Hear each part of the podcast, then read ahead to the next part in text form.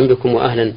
هذه المستمعة أمل من الأردن آه، تقول في هذا السؤال هل يجوز استعمال الأسنان الصناعية في الفم عند سقوط الأسنان الطبيعية وذلك للحاجة لها؟ وهل يجوز التبرع بأعضاء الميت بعد موته لانقضاء حياة شخص لإنقاذ حياة شخص آخر من الموت؟ أرجو بهذا إفادة. يجوز للإنسان إذا سقطت أسنانه أن يستعيض عنها بأسنان أخرى صناعية لأن ذلك من إزالة العيب. كما أذن النبي صلى الله عليه وسلم لأحد الصحابة رضي الله عنهم الذين انقطع أنفه أن يتخذ أنفا من فضة فأنتن فأذن له أن يتخذ أنفا من ورق من من ذهب فاتخذ أنفا من ذهب. كذلك أيضا الأسنان إذا سقطت فللإنسان أن يضع بدلها أسنانا صناعية ولا حرج عليه في ذلك. وأما التبرع بعضو من الأعضاء بعد الموت لمن يحتاج إليه من الأحياء فهذا موضع خلاف بين العلماء. فالحنابلة رحمهم الله نصوا على تحريم ذلك وأنه لا يحل للإنسان أن وأنه لا يحل قطع عضو من الإنسان ولو أوصى به بعد موته. ذكروا ذلك في كتاب الجنائز. ومن العلماء من رخص في ذلك بشروط معينة. هذه هذا السائل من أم القوين آه، رمز لاسمه بميم إبراهيم. يقول خطبة الجمعة يا فضيلة الشيخ هل يجب أن يكون آه، موضوعها ما أثر عن النبي صلى الله عليه وسلم أم تكون عن مكافحة الخطايا وتوجيه الناس لأمور دينهم وهل هناك شروط لخطبة الجمعة أو لخطيب الجمعة؟ أرجو بهذا إفادة مأجورين. لا شك أن خطبة الخطيب بما خطب به النبي صلى الله عليه وسلم هو الأفضل والأكمل لأن كلمات النبي صلى الله عليه وسلم كلمات موجزة جامعة نافعة. فكون الإنسان يخطب بها أفضل وأكمل. ولكن قد لا يتسنى للإنسان أن يكون عالما بها فيخطب بما تيسر له. والمقصود بالخطبة هو موعظة الناس وتذكيرهم. هو موعظة الناس وتذكيرهم بما ينفعهم في أمور دينهم ودنياهم. وينبغي للخطيب أن ننوع الخطبة بحسب الحاجة. وبحسب ما يحدث. فإذا حدث مطر مثلا ذكر الناس سبحانه ذكر الناس بنعم الله سبحانه بهذا المطر وذكرهم بآياته كيف يكون هذا المطر ثم يؤلف بينه ثم يجعله ركاما فترى الودق يخرج من خلاله ويبين ما فيه من آيات الله حيث ينزل على الأرض الهامدة الميتة التي لا ترى فيها خضراء بل هي غبراء مغبرة. فإذا نزل عليها هذا المطر أصبحت مخضرة كما قال الله تعالى ألم تر أن الله أنزل من السماء ماء فتصبح الأرض مخضرة إن الله لطيف خبير.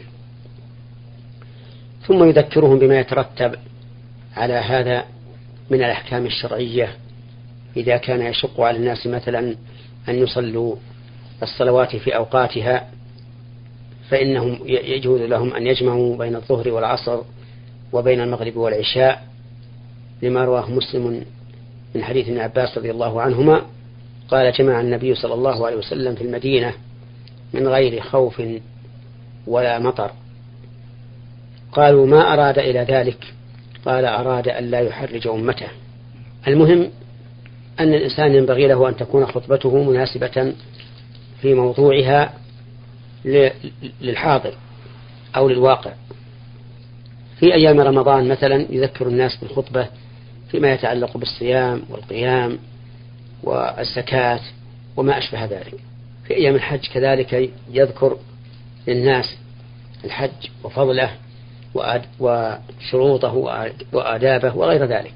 المهم أن أهم شيء في الخطبة هو الموعظة التي تلين بها القلوب وتحديث الناس بما يحتاجون إليه في أوقات مناسبة. أما شروط الخطبة فإن من شروطها أن تتقدم على صلاة الجمعة لأن النبي صلى الله عليه وسلم كان يخطب قبل أن يصلي الجمعة. ولقول الله تعالى فإذا قضيت الصلاة فانتشروا في الأرض وابتغوا من فضل الله واذكروا الله كثيرا لعلكم تفلحون. ومن مكملاتها وقيل بل من شروطها أي الخطبة أن تشتمل على حمد الله وعلى الشهادة له بالوحدانية ولنبيه بالرسالة وعلى الصلاة على النبي صلى الله عليه وعلى آله وسلم وعلى قراءة آية من كتاب الله. وهذه المسائل مبسوطة في كتب الفقه لكن أهم شيء في الخطبة هو موعظة الناس وتحريك قلوب وتحريك قلوبهم وتوجيههم إلى ما يحتاجون إليه في أوقات المناسبات. نعم. بارك الله فيكم. هذا الأخ أبو عبد الله أحد الدارسين في أمريكا يقول لي مجموعة من الأسئلة فضيلة الشيخ. السؤال الأول مجموعة من الطلبة يصلون الجمعة خلف شخص ليس مقيما بل قدم للدراسة وسيعود إلى بلده. ما حكم إمامته لنا مأجورين؟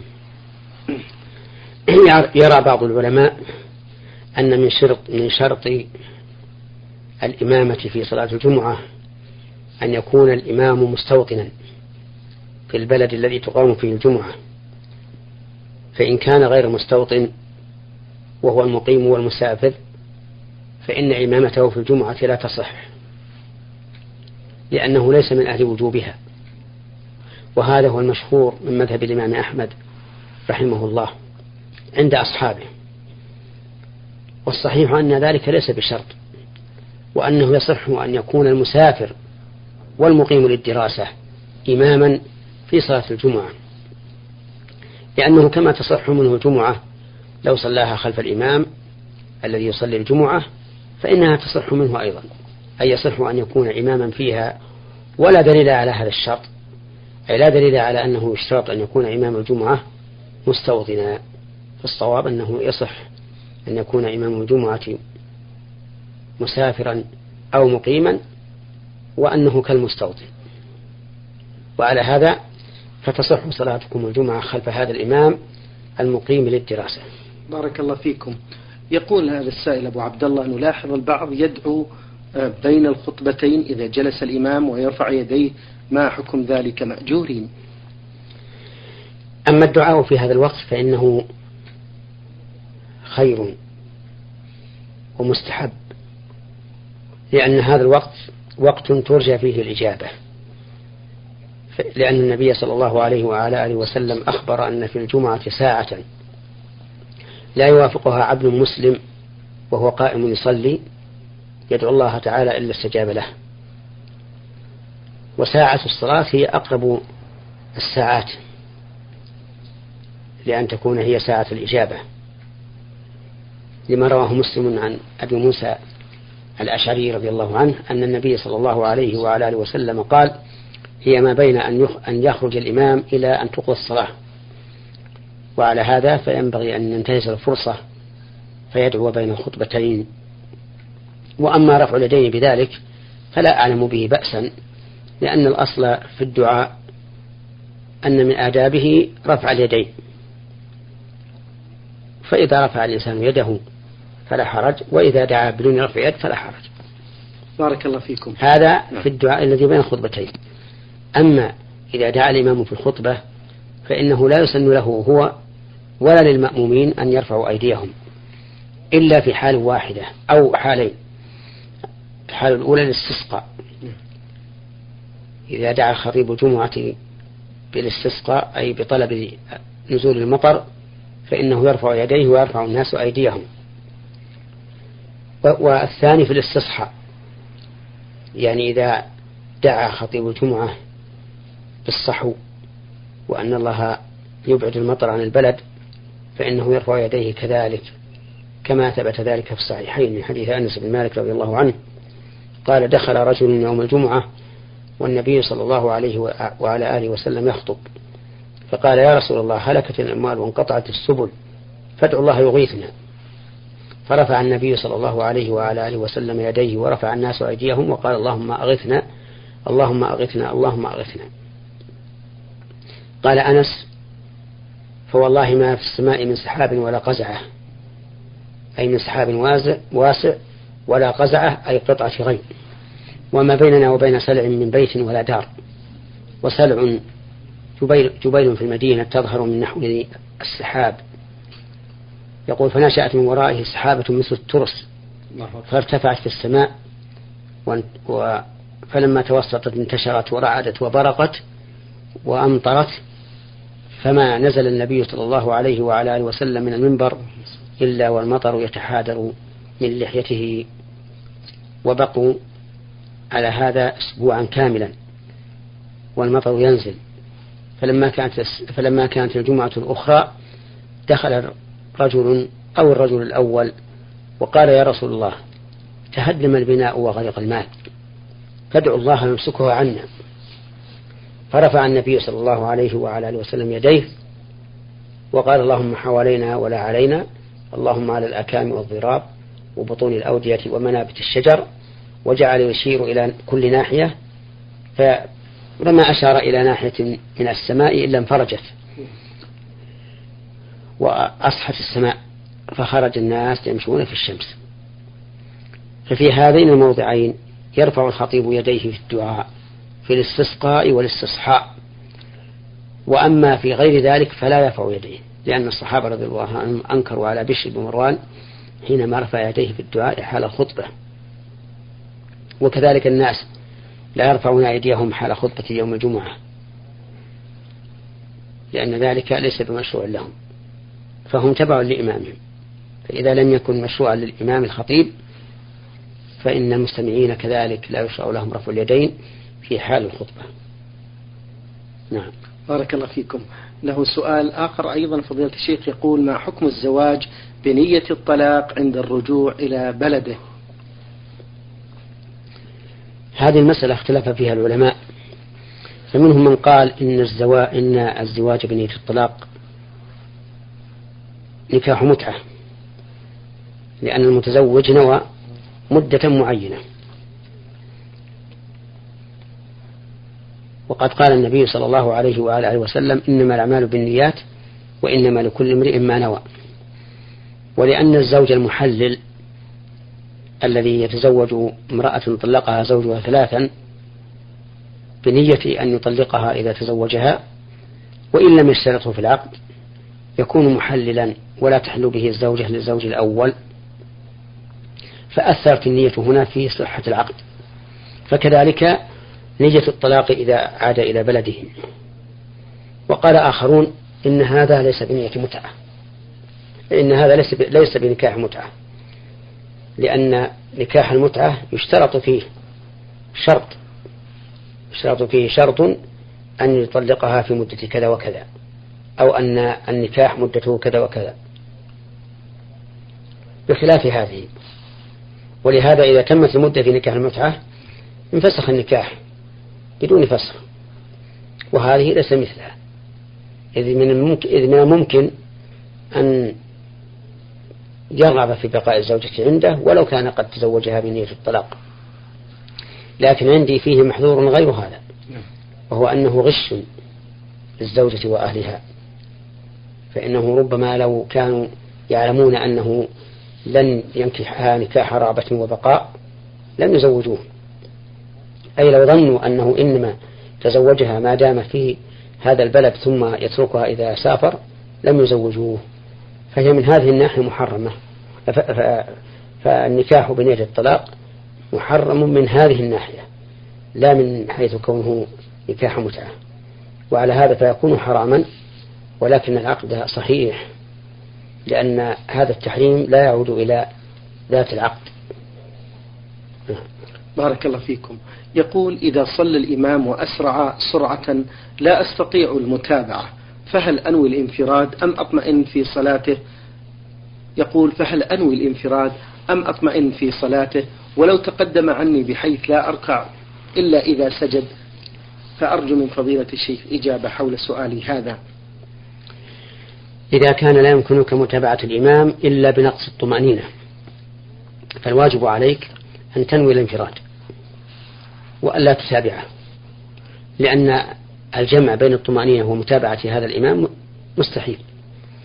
ولا سبيل إلى صحة الصلاة إلا بأن ينوي المأموم الانفراد ويكمل لنفسه. ودليل ذلك أن معاذ بن جبل رضي الله عنه كان يصلي مع النبي صلى الله عليه وسلم صلاة العشاء ثم يذهب إلى قوم فيصلي تلك الصلاة. فلما كان ذات ليلة وكبر شرع في سورة البقرة. فانفرد عنه أحد المصلين وصلى وحده. فلما بلغ ذلك النبي صلى الله عليه وآله وسلم قال لمعاذ أفتان أنت يا معاذ؟ ثم أرشده إلى أن يقرأ بسبح اسم ربك الأعلى والليل إذا أغشى وما أشبه ذلك. فإذا كان المأموم يجوز له أن ينفرد من أجل تطويل الإمام فجوازه أي فجواز انفراده من أجل تخفيف الإمام التخفيف الذي لا يمكن معه الطمأنينة من باب أولى. وعلى هذا فيكون الجواب أنه إذا كان لا يمكنك متابعة الإمام لكونه يسرع فأنت تنوي الانفراد وتتم لنفسك صلاة بطمأنينة. نعم. بارك الله فيكم. يقول بعض الطلاب يفطر أياما من رمضان بحجة أنه مسافر ويأتيه رمضان الثاني وهو لم يصم ما عليه من أيام بحجة أنه لا زال مسافرا. فما رأيكم حفظكم الله في هذا؟ هذه المسألة اختلف فيها العلماء. نعم. وهي ما إذا نوى المسافر مدة أكثر من أربعة أيام أو خمسة أيام أو عشرة أيام أو خمسة عشر يوما أو تسعة عشر يوما على خلاف بينهم يبلغ نحو عشرين قولا. والراجح هو أن الإنسان ما دام لم ينوي إقامة مطلقة أو استيطانا فإنه مسافر. ولو نوى إقامة ثلاث سنوات أو أربع سنوات نعم. يقصر ويمسح على الخفين ثلاثة أيام بلياليها ويجمع. ويفطر أيضا في رمضان لكن لا ينبغي له أن يؤخره إلى رمضان الثاني لأنه إذا فعل ذلك كان هذا عرضة لترك الواجب لأنها تتراكم عليه الشهور وكلما تراكمت الشهور عليه خف نشاطه في أداء هذا الواجب. فالذي نرى أنه لا يؤخره إلى رمضان الثاني ولو كان مسافرا وبإمكانه أن يصوم في أيام الشتاء. لأنه لا بد أن يمر به أن تمر به أيام الشتاء فيقضي ما فاته من رمضان في أيام الشتاء ويحصل المقصود. الأخ المستمع أبو عبد الله له سؤال أخير فضيلة الشيخ يقول أثناء المحاضرات تقام آه، صلاة الجمعة فنقع في حرج فماذا يلزمنا في هذا؟ وما هو توجيهكم؟ بارك الله فيكم. إذا كان لا يضركم أن تدعوا هذه المحاضرات وتصلوا الجمعة فافعلوا. نعم. وإن كان يضركم هذا فإن الجمعة تسقط عنكم ولا يلزمكم الحضور إليها وحينئذ تصلون ظهرا. نعم. بارك الله فيكم. هذا سائل آه، أرسل هذه الرسالة ولم يذكر الاسم هنا يقول فضيلة الشيخ لي صديق نعم. يحب الشعر. ويكتبه. وسألني هل الشعر حرام في الإسلام؟ حيث قرأ قول الله عز وجل والشعراء والشعراء يتبعهم الغاوون فما رأيكم في ذلك؟ أفيدونا جزاكم الله خيرا. الشعر حسنه حسن وقبيحه قبيح. ولا بأس أن يكون الإنسان شاعرا إذا كان ينظم المسائل المفيدة. كنظم العلوم الشرعية وما يساندها من علوم العربية وكذلك حتى علم التوحيد. نعم. فها هي الكافة الشافية في اعتقاد الفرقة الناجية وهي النونية لابن القيم كلها نظم وهي في في التوحيد. وها هو ابن عبد القوي رحمه الله كان له نظم طويل على قافية الدال في الفقه يبلغ حوالي أربعة عشر ألفا. وما زال العلماء يفعلون ذلك. فأما كراهة الأخ للشعر استدلالا بقوله تعالى والشعراء يتبعهم الغاوون فنقول اقرأ الآيات حتى تكملها فيتبين لك الأمر. والشعراء يتبعهم الغاوون. ألم تر أنهم كل واد يهيمون؟ وأنهم يقولون ما لا يفعلون إلا الذين آمنوا وعملوا الصالحات وانتصروا من بعد ما ظلموا. فاستثنى الله عز وجل من الشعراء الذين آمنوا وعملوا الصالحات وبين أن الشعراء يتبعهم الغاوون وأنهم في كل واد يهيمون. فإذا لم يكن الإنسان على هذا الوصف فإنه لا بأس به. وهو حسان وها هو حسان بن ثابت رضي الله عنه ينشد الشعر في مسجد النبي صلى الله عليه وسلم بحضرة النبي صلى الله عليه وعلى آله وسلم. نعم. بارك الله فيكم. هذا آه، من السودان. سوداني مقيم بالمملكة. يقول في هذا السؤال ما حكم الشرع في نظركم في الرشوة؟ الرشوة محرمة بل هي من كبائر الذنوب لأن النبي صلى الله عليه وعلى آله وسلم لعن الراشي والمرتشي. ولكن ما هي الرشوة أولا حتى يتبين لنا عظمها وعظم جرمها وكون صاحبها مستحقا للعن. الرشوة أن يبذل مالا للحاكم ليتوصل به إلى إبطال حق أو إثبات باطل. هذه الرشوة. نعم. فإذا كان لشخص حكومة عند أحد القضاة وذهب إليه بهدية فهذه رشوة. وكذلك لو اشترط على الناس أن يعطوه كذا وكذا ليقضي حاجتهم فهذه أيضا من الرشوة. وأما إذا كانت الرشوة لدفع مظلمة كشخص أراد أن يظلمه ظالم فدفع إليه مالا ليسلم به من شره فإن هذا ليس برشوة. بل هو دفاع عن النفس. نعم. بارك الله فيكم. هذا السائل المستمع مين كاف يقول فضيلة الشيخ ما حكم الإنسان الذي يجلس مع الذي يجلس مع جماعة ويأتي وقت الصلاة ولا يلاحظ فيهم حرصا على الأداء الصلاة مع الجماعة فأفيدوني بذلك مأجورين. نرى أن لا يجالس أمثال هؤلاء. في وقت صلاة الجماعة. لأن هؤلاء من جلساء السوء. وقد قال النبي عليه الصلاة والسلام مثل جليس السوء كنافخ الكيل. إما أن يحرق ثيابك وإما أن تجعل منه رائحة كريهة. ويروى عنه صلى الله عليه وعلى آله وسلم أنه قال المرء على دين خليله فلينظر أحدكم من يخالل. فلا يجوز أن يجلس مع هؤلاء الذين لا يصلون مع جماعة ولكن يجب عليه أن يناصحهم وأن يخوفهم بالله وأن يقول لهم اتقوا الله اتقوا الله بأنفسكم وما أشبه ذلك فلعل الله سبحانه وتعالى أن يهديهم على يده. نعم. بارك الله فيكم. هذا السائل من ليبيا طرابلس ألف ميم يقول ما حكم بناء القبور والكتابة عليها؟ وقراءة القرآن على الميت آه، وخصوصا سورة ياسين مأجورين البناء على القبور محرم لأن النبي صلى الله عليه وعلى آله وسلم. نهى أن يبنى على القبور وأشد من ذلك أن يبنى عليه مسجد فإن النبي صلى الله عليه وعلى آله وسلم قال لعنة الله على اليهود والنصارى اتخذوا قبور أنبيائهم مساجد. فلا, يجوز أن تبنى القبور على المساجد. وإذا بني قبر على مسجد وجب هدمه ولم تصح الصلاة فيه. أما لو سبق المسجد القبر ودفن في المسجد قبر بعد قيام المسجد فإن هذا حرام.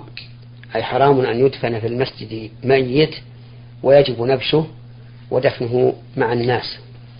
وأما الكتابة على القبر فإن كانت كتابة شركية مثل أن يكتب عليه هذا ولي الله فادعه أيها المضطر وما أشبه ذلك فهذه لا شك في تحريمها. وإن كانت كتابة عادية نظر فإن كانت كتابة بها الافتخار والفخار والمفاخرة بهذا الميت فهي حرام. لأن النبي صلى الله عليه وسلم نهى عن الكتابة على القبر. وإن كانت لمجرد لمجرد التعريف بصاحب القبر مثل أن يكتب هذا فلان من فلان فأرجو أن لا يكون بها بأس. ويكون النهي عن الكتابة محمولا على الكتابة المحرمة. نختم هذا اللقاء فضيلة الشيخ بسؤال المستمع عبد الله سوداني يقول في هذا السؤال ما حدود اللحية في الشرع؟ وهل الشعر الذي يبتدي من جوار الأذنين إلى الذقن تابع للحية أم لا؟ وما حكم من يحصر اللحية في الذقن بمعنى يحلق الشعر الذي في الخدين؟ أفيدوني بسؤالي جزاكم الله خيرا. اللحية هي شعر الخدين والوجه. ولكن لكل جزء منها اسم. فالذي على اليمين واليسار يسميان العارضين والذي في في ملتقاهما من أسفل يسمى الذقن وكل ذلك يدخل في مسمى اللحية. فاللحية إذن تشمل جميع ما على الوجه من الشعر. ولا يجوز لأحد أن يحلق منها شيئا. لأن ذلك خلاف ما أمر به النبي صلى الله عليه وعلى آله وسلم في قوله خالف المشركين وفروا اللحى وحفوا الشوارب. وقوله خالف المجوس وفروا اللحى وحفوا الشوارب. وفي رواية أوفوا اللحى. وليعلم أن بعض الناس التبس عليه الأمر بصنيع عبد الله بن عمر رضي الله عنهما. حيث كان إذا حج قبض على لحيته فقص منها ما زاد على القبضة. فظن بعض الناس أن من هذا أن هذا من ابن عمر رضي الله عنهما تشريع وأن ما زاد على القبضة يسن أخذه. بل بالغ بعضهم حتى قال إن ما زاد على القبضة من الإسبال المحرم. ولا شك أن هذا خطأ عظيم في الفهم والعبرة بكلام النبي صلى الله عليه وعلى آله وسلم. شكر الله لكم يا فضيلة الشيخ وبارك الله فيكم وفي